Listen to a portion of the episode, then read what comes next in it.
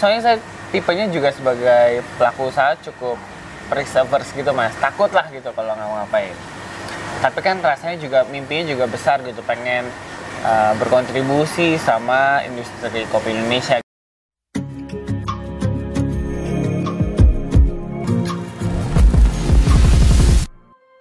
Hey, halo. Apa kabar semua? Kembali lagi di podcast Speak Speak Santai. Kali ini di episode ini, gue sudah kedatangan seorang entrepreneur, seorang pebisnis kopi yang menurut gue uh, bisnisnya itu sedang berjalan uh, sangat baik sekali. Siapa dia? Dia adalah Andanu Prasetyo yang biasa dipanggil dengan Mas Tio. Halo Mas Mas Tio, terima kasih udah mau hadir.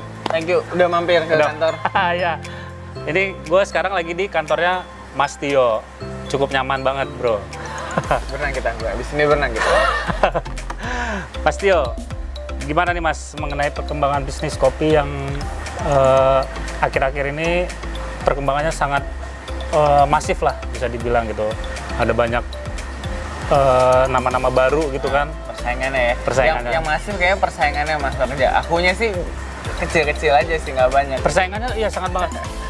Bisa kan ya kita bisa lihat lah Mas kayak nama-namanya sekarang udah mulai unik-unik segala macam gitu kan. Itu Eh, gimana Mas menurut Mas sendiri pandangannya terhadap bisnis ini?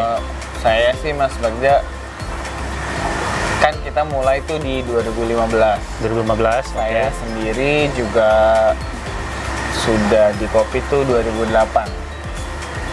Nah, jadi saya pun Oh, sudah udah cukup lama Mas ya, Ah, sekitar 11 tahun.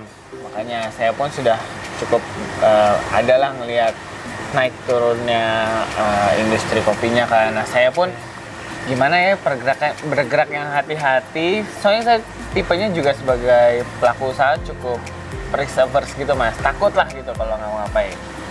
Tapi kan rasanya juga mimpinya juga besar gitu pengen uh, berkontribusi sama industri kopi Indonesia gitu. Oh, Nah, oke. dalam hal ini saat saya mencoba dan dengan beberapa teman-teman barista tuku nih ber- Hmm. waktu itu saya punya tim tuh dua orang barista tuku uh, pengen bikin uh, sebuah tempat yang apa ya mas ya bisa ikutan lah meningkatkan konsumsi kopi Indonesia dengan skala yang kecil cuma bisa scalable lah bisa dikembangkan gitu nah makanya waktu itu kita mencoba dari tempat sekecil kopi tuku Hmm.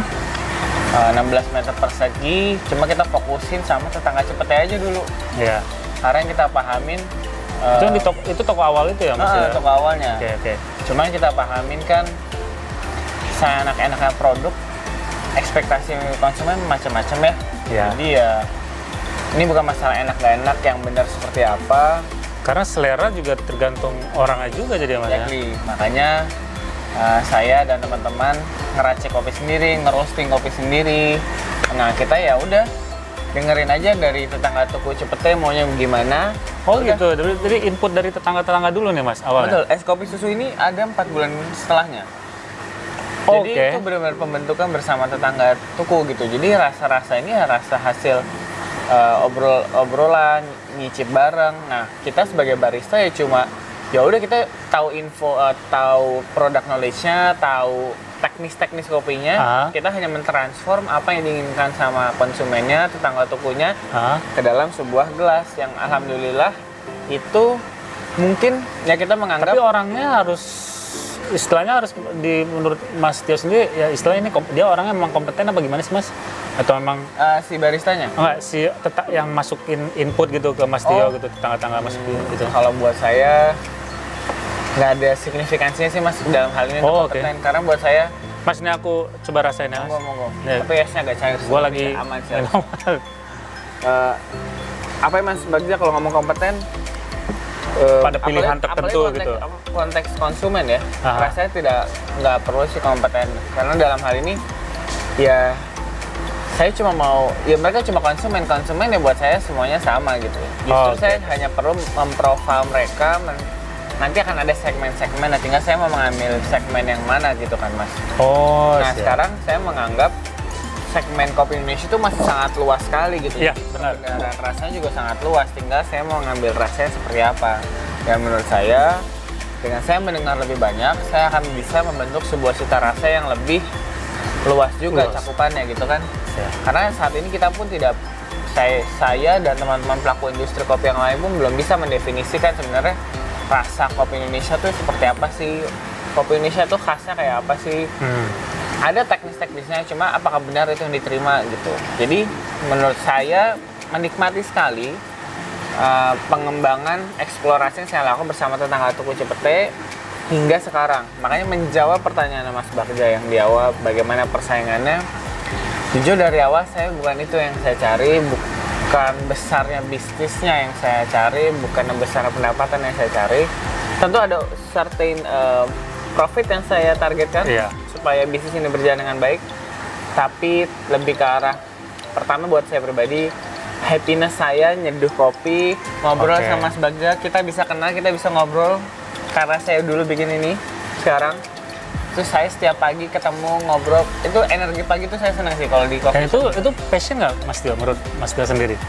percayalah Mas Bagja dari awal saya bikin itu nggak ada passion passionnya saya di kopi jadi kalau misalnya ada di toko buku jalani passionmu apa apa yang sudah menjadi passionmu Hmm. kalau saya saya malah nggak ngerasain itu.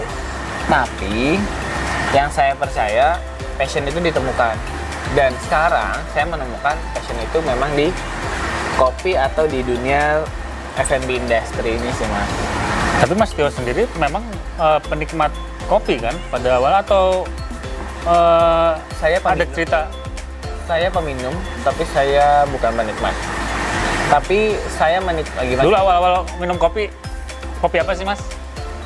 awal tuh kapan nih Ke- dari kecil apa Ya mungkin Rutin, semenjak apa pas rutin besar? lah gitu atau saya nggak pernah rutin Oh nggak pernah rutin, tapi misalkan pengen ngopi apa tuh biasanya?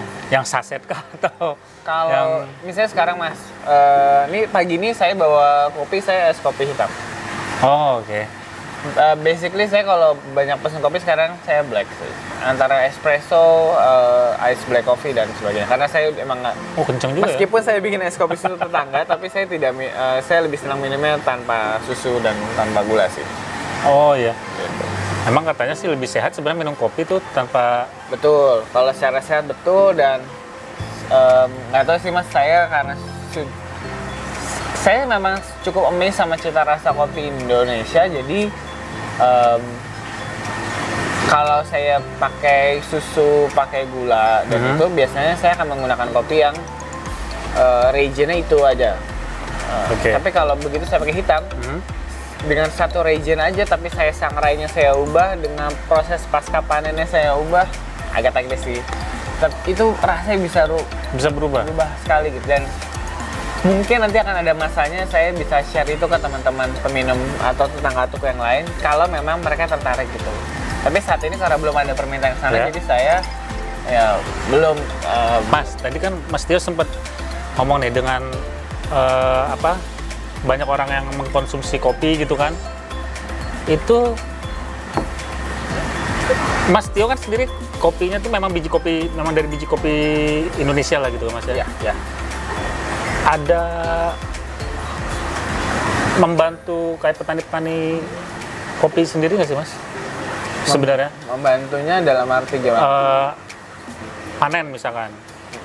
Eh, dengan banyaknya peningkatan orang yang pengen ngopi gitu oke oke mungkin ada pengaruhnya nggak sih mas? oke em, gini gini mas terlalu jauh tuh Enggak, enggak, justru justru saya mau ngebantu. Eh, justru eh, biasanya teman-teman pelaku industri kopi nih yang Hah? bikin industri kopi mayoritas mereka eh, motivasi awalnya adalah membantu petani.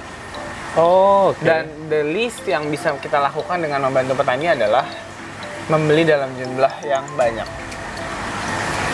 Oke. Jadi kalau tadi Mas Jaga Mas Bagja bertanya demikian, membantu nggak sih? Pasti membantu. Kalau kita beli terus menerus konsisten eh, harganya bagus, Iya. itu pasti membantu. Jelas. Tapi itu ada pengepulnya mas bisa ada bisa tidak. Itu tergantung. Kalau saya punya Hah? hubungan langsung. ke petaninya langsung oh Tapi wow. saya juga bisa, misalnya gini, saya punya hubungan namanya, eh nanti saya nyebut, nggak apa-apa deh. Nama, nama si X aja gitu misalnya misalnya saya punya eh, bukan bukan misalnya ada petani saya namanya Pak Hamdan ada Oke. Mas Hendra habis itu tapi saya di kopinya mereka dikumpulin ke Mas Bayu atau Mas Mas Abi gitu Hmm. nah dari situ baru dikasih ke saya tapi saya hubungannya juga langsung ke mereka tapi saya minta dikoordinasikan Oh. sama oke, orang oke. middleman-nya. Tapi bukan cuma sekedar eh, si B pokoknya saya beli sama si B harga sekian saya juga nggak tahu itu sumbernya dari mana harganya dinaik-naikin. Hmm. Nah kalau saya memang silahkan itu value chain-nya rantai eh, ekonominya buat saya itu nggak Nggak. memang udah demikian di Indonesia. Ah. Jadi dibiarkan demikian, tapi tinggal benefit apa yang bisa diberikan dari setiap rantainya gitu. Oh, Oke. Buat ke Betul. Jadi dengan begitu saya jadi eh, jadi tidak rutin eh, dalam setahun harus ke kebun karena saya punya hubungan baik juga dengan petaninya dan kasarnya pengepulnya atau eh, middleman-nya gitu. Oke Mas Tio, dulu banget nih kan sempat heboh lah gitu kan di dunia maya gitu atau nggak ya, di berita-berita gitu kan viral lah gitu kan Eh, Pak Jokowi saat itu mendatangi Oh, iya. gerenya Mas Tio Ya, nih. heeh. Itu ceritanya gimana Mas? Apa ada appointment tertentu kah atau nggak tahu apa gimana ceritanya Mas? Em, Alasannya beliau mengunjungi tokonya Mas Tio gitu. apa kalau Mas Bagja nanya awalnya ceritanya gimana aku bisa jelasin tapi kalau kenapanya saya nggak nggak pernah tahu sampai sekarang sebutlah udah itu rezekinya deh itu udah rezekinya saya uh, dan itu mungkin memang ngere- uh, bapak punya rencana tersendiri yang mungkin saya juga nggak tahu kenapanya tapi kalau saya bisa share di sini sama teman-teman di sambil ngobrol-ngobrol santai Ngobrol santai di Speak Speak Santai. ini eh, saat itu eh, kan bis lebaran kalau nggak salah ya Hmm, iya. itu saya pokoknya malam itu hari Sabtu saya lagi kan toko itu tutup kalau Sabtu Oke. Toko itu tutup jadi saya malam mingguan lah sama teman-teman. Saya udah pulang tengah malam jam setengah 12 malam. Hmm. saya ditelepon sama anak kantor. Yo nom, eh, ada yang minta nomor aku. Dicariin. Katanya sih dari istana. Dari ajudan Terus mikirnya istana apa nih? Istana boneka apa gimana? Nah, ini di situ udah dari istana oh kenapa nih kok? Kayaknya bapak mau datang deh. Oh ya udah. Telepon. Kasih tahu. Ya udah kasih aja nggak apa-apa. Ah, kasih. Telepon tuh langsung. Ditelepon langsung. Halo mas Tio. Apa kabar? Eh, itu betul- beliau sendiri. bukan. Oh, oke. Eh, betul ownernya tuku. Besok buka dikatanya Hmm. betul mas? Oke. Mas ini saya dengan ajudannya bapak. Besok bapak mau datang. Maaf mas. Bapak siapa ya? Iya. Pak Jokowi dan Ibu Iriana oh gitu. Wah, Wow. iya. Di situ saya belum kaget tuh masih kayak oh bener nih gitu berarti. Cuma mikirnya kayak bukan kaget saya cuma mikirnya ada apa ya? Nah, eh, mau ada ngapain ya? Terus saya harus gimana ya? Kan gitu. Jadi nggak sempat Iya, iya, kaget tuh di situ masih kayak Bingung berarti mikir, ya? jadi mikir aja kayak oke terus jadi harus ngapain next plan-nya jadi gitu aja. Oke, oke, oke, oke. Tapi ya udah ngomong-ngomong-ngomong sampai di telepon Tapi ada perasaan senang dan bahagia gitu kan Mas Tio? Atau saat itu enggak saat itu enggak biasa aja oh cuman yang jadinya malah jadi nge-plan aja itu untuk ke depannya kayak gimana? Oh, Kayak, oke. Be- di- saya bahkan sampai nanya gini mas ke ajudannya mas pokoknya saya ada saya found, eh, saya ownernya besok saya ada jam sekian besok pokoknya buka tapi mohon maaf mas sebelumnya saya bahkan saya nggak tahu ini telepon ini bener apa enggak "Eh, eh, bener mas. Nomornya nomor biasa mas. Nomor biasa maksudnya 021 gitu? nomor Atau- enggak handphone biasa. Oh, oke, oke, ya kan saya nggak tahu berhubungan Iya, sama iya, istana. Mas Ya, ntar nomornya normal. kan banyak penipuan-penipuan. Nah, makanya. Terus pas saya telepon jawabannya, yaudah mas, mas cek Instagram saya aja. Jawabannya cek Instagram, kan saya bingung. Tapi pas saya cek Instagram, oh, Tapi Mas Tio sendiri nggak bercandain ya, walaupun misalkan rasa ada bingung gitu segala macam. yo nggak bercanda, nggak berani lah mas bercanda-bercanda. Tapi saya tetap memberikan sebuah kebingungan gitu kan. Makanya saya Ah. bilang saya agak nggak percaya, nggak yakin Hmm, gitu. iya, saya iya, iya. sampaikan di situ. Dia bilang cek Instagram saya. Oke saya saya cek. Oh, Kopassus ternyata. Oh, oke, oke, oke. Alhamdulillah saya masih berhub- berhubungan baik sama dia karena dia juga sangat ramah dan sopan sekali, cuma iya. profesional sekali untuk dia kan. Itu ajudannya bapak ternyata yang nelfon saya itu Hmm. ya sudah besok pagi dia ngabarin lagi mas bapak confirm besok hadir Oh, siap. Tapi dari eh, di saat itu Tuku sendiri baru dua cabang tuh oh sudah dua cabang ya Mas Tio ya. Itu yang di Bintaro bukan bukan ya? bukan yang Cipete. pasar Santa Oh, Pesta Santa. Oke, oke, oke. soalnya saat itu mas Tapi Mas Tio sendiri nggak nanya Mas ke ke beliau gitu ke oh Bapak. nanya itu pertanyaan Kenapa pertama, gitu? pertanyaan pertama saya Hmm. begitu bapak duduk Hah?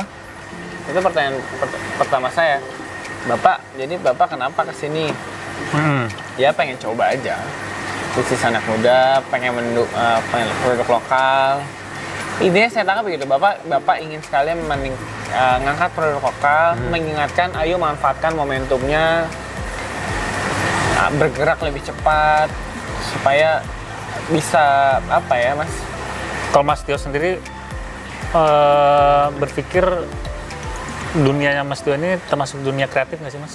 iya Termasuk dunia kreatif ya?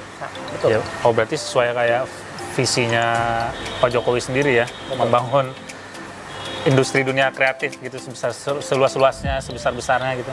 bahkan terlepas mungkin kalau saya boleh berpendapat mas dalam hal ini juga kayaknya kita kalau hidup di Jakarta zaman sekarang kayaknya benar-benar harus kreatif nggak sih terlepas kita bisnis atau enggak gitu karena Benar apa yang sih. ada sekarang kasarnya semuanya udah semrawut gitu kan mas Ya, ya kita juga harus berinovasi sih. makanya kalau kita cuma lagi bikin misalnya nih mas kemarin saya bikin usaha nggak jalan-jalan atau bikin industri kopi ah industrinya eh, kenapa nih belum jelas atau apa belum belum rapi pemerintahnya nggak oke Hmm.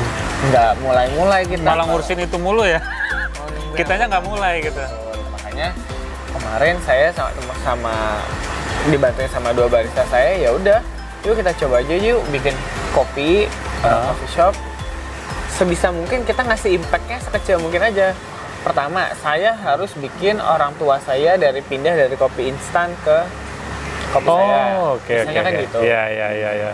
Dari lingkungan terkecil ya, Mas. betul organisasi terkecilnya apa Keluarga. keluarga abis itu rukun rukun tetangga dong Benar. kelurahannya sebenarnya gitu sih mas prinsipnya kalau saya ngelihatnya Nah, Mas Tio, eh, di saat-saat nah, gue tuh penasaran sebenarnya sama bisnis kopi ini gitu kan, Hmm. karena dulu kecil-kecil ya gue inget banget deh gitu kan eh, kalau anak kecil tuh anak SMP atau SMA gitu kayak diomongin ngapain sih anak anu, anak segini udah ngopi dan macam itu kan sangat sangat sering kedengeran gitu mas.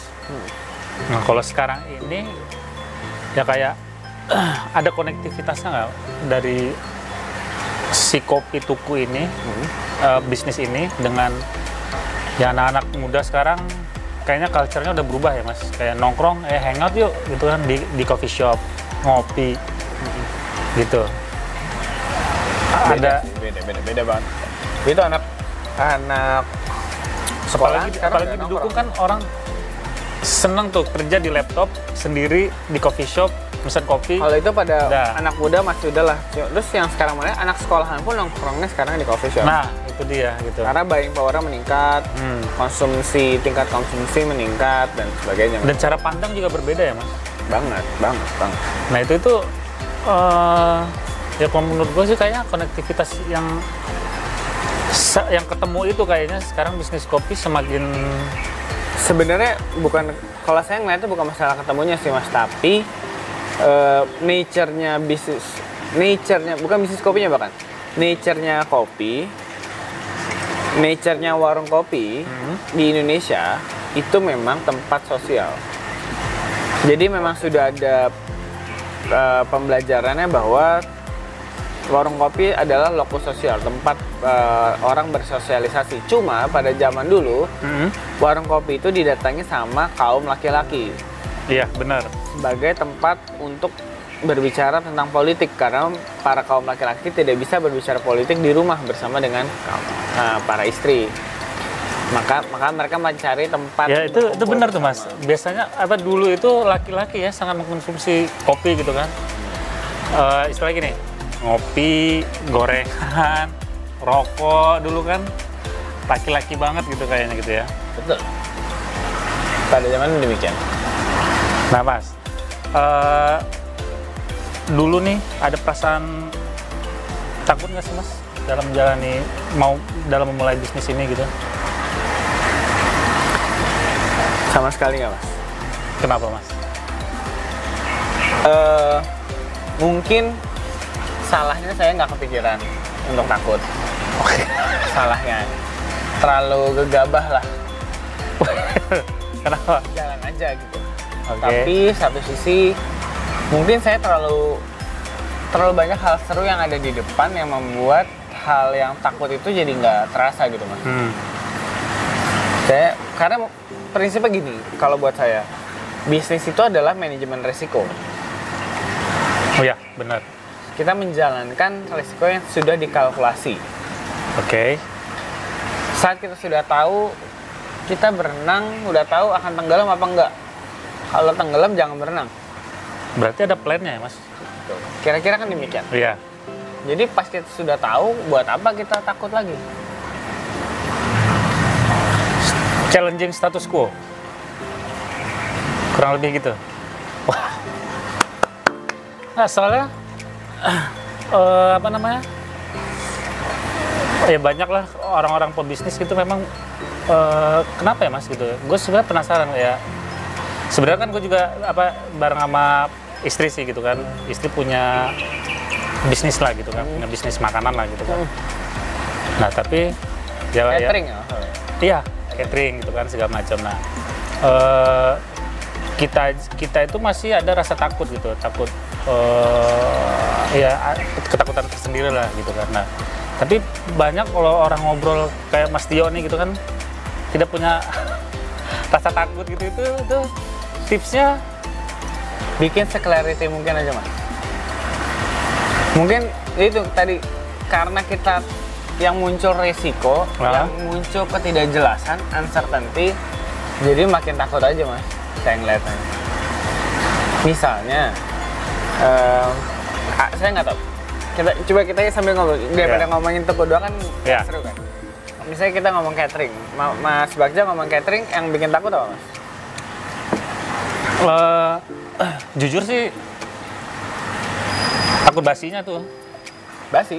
Iya, ketika misalkan udah bikin banyak, basi dalam artian gini, eh, kan masih dibawa ada catering ke kantor mana atau enggak eh, dibawa ke tempat saya juga gitu kan. Nah, misalkan let's say bawa 15 gitu.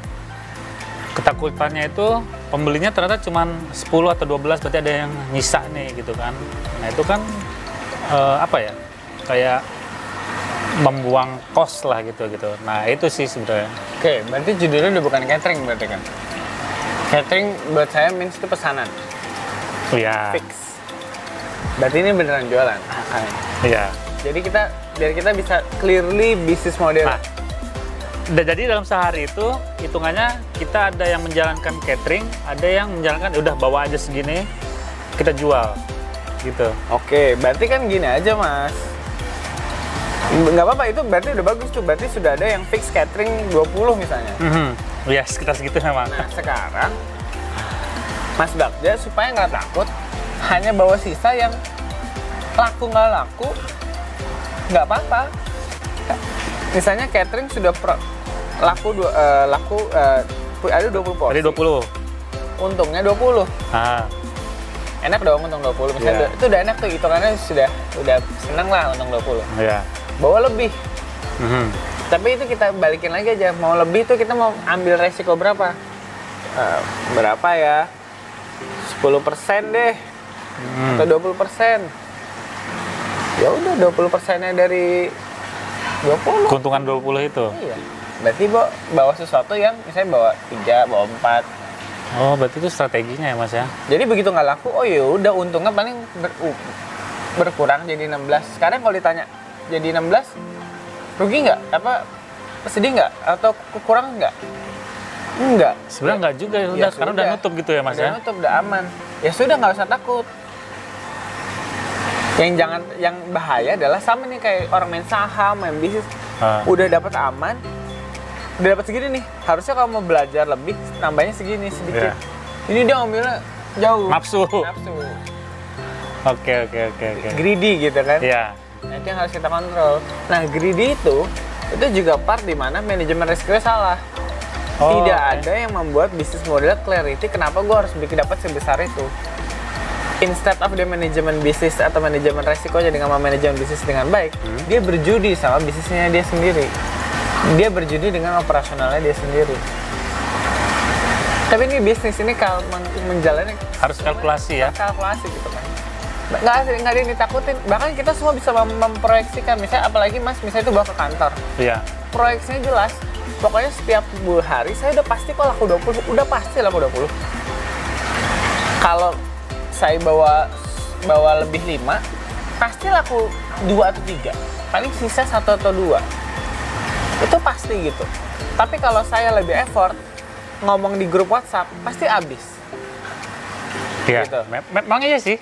Nah, abis itu, eh, tapi besok mau beli tambah, eh kita mau beli mobil yuk, effortnya kita tambahin yuk. Ah, Effortnya berapa harga mobilnya? hmm. Masukin costnya ke dalam satu kos mobil dipecah dalam satu bulan, satu tahun.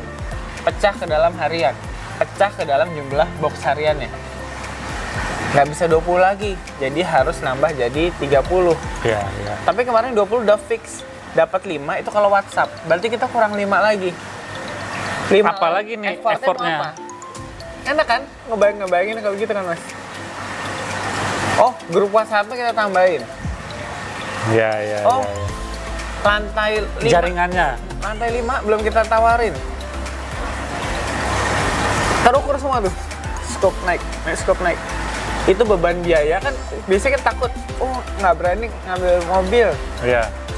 Semua bisa enak tuh di kalkulasinya nggak ada takut-takutnya lagi. Wow. Insight yang bagus nih dari Mas Tio nih. mas saya ngomong ini pun saya melakukan itu berhenti juga bisa mas. Saya, saya senengnya ngobrol ini tuh gitu. Saya saya orang introvert saya nggak bisa ngomong. Saya orang yang nggak terstruktur saya nggak terplanning. Percaya sama itu. Sampai sekarang sampai detik ini saya tidak terplanning. Terus yang membuat manajemen ini? Ada tim khusus. saya gitu? saya. Oh, tapi tiba-tiba kayak percayalah saya kalau buka cabang oke bulan depan buka ya. Tiba-tiba semuanya. Oh, oke. alhamdulillah saya dikaruniai intuisi yang Nah, itu nah, mungkin tapi intui bukan cuma sekedar tapi mungkin tuh karena kayak saya suka ngeliat sesuatu jadinya yakin aja gitu kayak bukan cuma sekedar wah buka gitu ya, ya. Dan mungkin karena saya pernah melihat banyak terus jadi yakin gitu. Kalkulasi saya mengatakan aman gitu. Nah sekarang juga Mas Banjar itu juga punya intuisi juga kayak Itu gift atau talent atau memang dipelajari saya itu sendiri? dibangun. Oh, oke. Bisa talent, bisa gift, tapi buat saya gift apa pun kalau nggak diasah ya bisa jadi percuma kan Mas. Iya sih. Makanya saya juga selalu bilang ke teman-teman kalau mau usaha tuh harus ngapain? Pertama kenali diri sendiri dulu. Kalau bukan pengusaha nggak usah jadi pengusaha. Ya karena gue pernah dengar tuh mas, eh, entrepreneur itu nggak semua orang bisa jadi entrepreneur sih. Yang jelas orang punya jiwa intrapreneurship, tapi belum tentu dia entrepreneur. Di dalam diri dia punya jiwa usaha, Aha, tapi bukan berarti dia harus jadi pengusahanya. ya. Karena malah jadi bahaya. Mendingan yang punya jadi pengusaha yang memang orang punya mental itu, kita bisa bisnis, tapi Mhm. partneran. Oh, Kita oke jangan oke. ambil jangan eksekutornya. Mencari partner yang cocok ya mas. Kalau saya sih gitu. Oke, Mas Tio, eh, kita balik lagi ke Tuku nih. Dari biji kopi mana aja sih Mas Tio di Tuku ini? Karena dulu dulu nih eh, ya ada sebuah kafe lah yang terkenal juga dengan biji-biji kopi Nusantara lah gitu kan Mhm, Indonesia mhm. gitu. Nah kalau dari Mas Tio sendiri spesialisasinya dari biji apa sih Mas? Nggak ada spesialisasi mas. Pokoknya idenya sangat Simple. simple. Pak. Simple banget. Iklim kita panas makanya saya minumnya es harus es kopi. Panas, eh, habis itu orang maunya es kopi, kopi susu Yang karena manis-manis. orang nggak suka eh, orang nggak suka pahit kebakar. Jadi dia maunya dia pakai susu. Oke. Habis itu karena kopinya banyak yang pahit, terus dia mau pakai gula, dia mau manis. Dan Oke. itu saya buktikan ada semuanya di market. Kopi instan iya, di minimarket iya, di dan di, Starbucks dan di iya. gerai toko yang besar itu Starbucks. Iya. Terus buat saya, tapi kalau saya bikin misalnya kar- pakai karamel sauce itu kemahalan dan itu bukan Indonesia buat saya. Oh, Oke, rasanya malah berbeda jadinya, Mas. Jadi misalnya bukan lidah. Oh, enak, enak, Mhm. enak, enak, masuk, masuk. Tapi narasi ceritanya nggak seru gitu mas. Oke, oke. saya oke. kayak bikinnya, aduh apa ya? Tapi cita rasa Indonesia apa ya? Yang manisnya enak, punya punya cerita, tapi tidak mengalahkan rasa asli kopi itu sendiri. Karena saya terus ya udah saya jalan apa yang ada di Indonesia yang cukup kental juga rasa itu sudah diingat sama orang dari zaman dulu. Saya ngeliat cendol, kemarin gula aren ya itu keren sih. tapi saya nggak bilang ini inovasi juga mas enggak saya cuma mengambil apa pun yang ada di sekitar saya saya hanya mendengar dari konsumen saya mas saya mau kopi Tapi dingin dulu kopi pakai gula aren kayaknya sangat jarang, Mas, enggak? jarang emang nggak ada sih Nah, itu.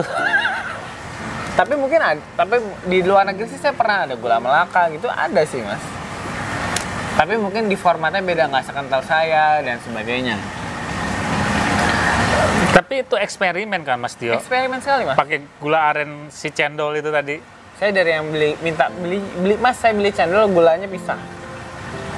Saya berkali-kali beli terus gak bikin sendiri. Oke. habis saya bikin minumannya dari encer sampai kental. Kopinya pahit sampai asam sampai tebel sampai enggak.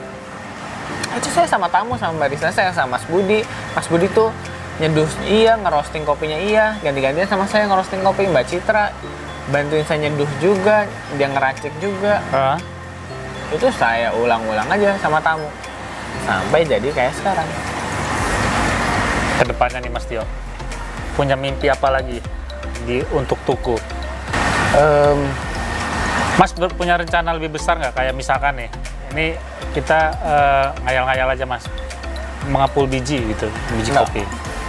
Enggak. saya bahkan sementara ini mas ya sementara saya dan teman-teman tidak memplanning untuk membeli kebun pun Oh, karena kami percaya bis kita hanya ingin punya bisnis kopi, industri kopi yang bisnisnya lancar dan sustain oke.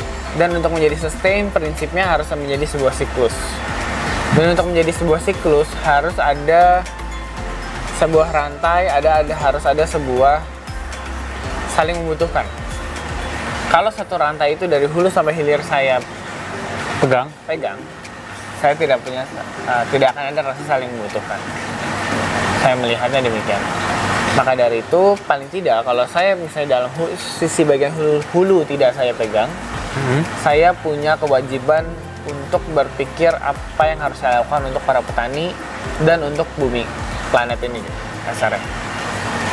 Bagaimana saya membeli biji kopi yang tidak uh, berada di hutan lindung misalnya, Oke. tidak merupakan hutan konservasi misalnya, Hmm. atau perkebunan yang men- menjalankan agroforestry, perkebunan yang uh, mengelola pedesaannya dengan baik misalnya. Saya pengennya sih nanti berjalan demikian. Karena pada prinsipnya Indonesia ini negara produsen kopi keempat sekarang turun terus sih. Saya pengen itu produksi produksinya naik kembali satu. Kedua, saya pengen kita pun jadi negara konsumsi. Karena kita hanya produksi kan sayang sekali gitu Iya. konsumsinya. Itu kedua. Nah dari habis itu dari yang ketiga kita bisa mendefinisikan ulang kopi Indonesia itu seperti apa. Jadi kita bisa jelas punya stance ke internasional. Inilah kopi Indonesia. Warung kopinya seperti ini, alat seduhnya seperti ini, cita rasanya seperti ini, kultur kami di negara kami itu seperti ini. Cara Jadi- meminumnya segala Betul. macam. Jadi berharapnya saat orang melihat kopi Oke. di dunia akan ingat Indonesia.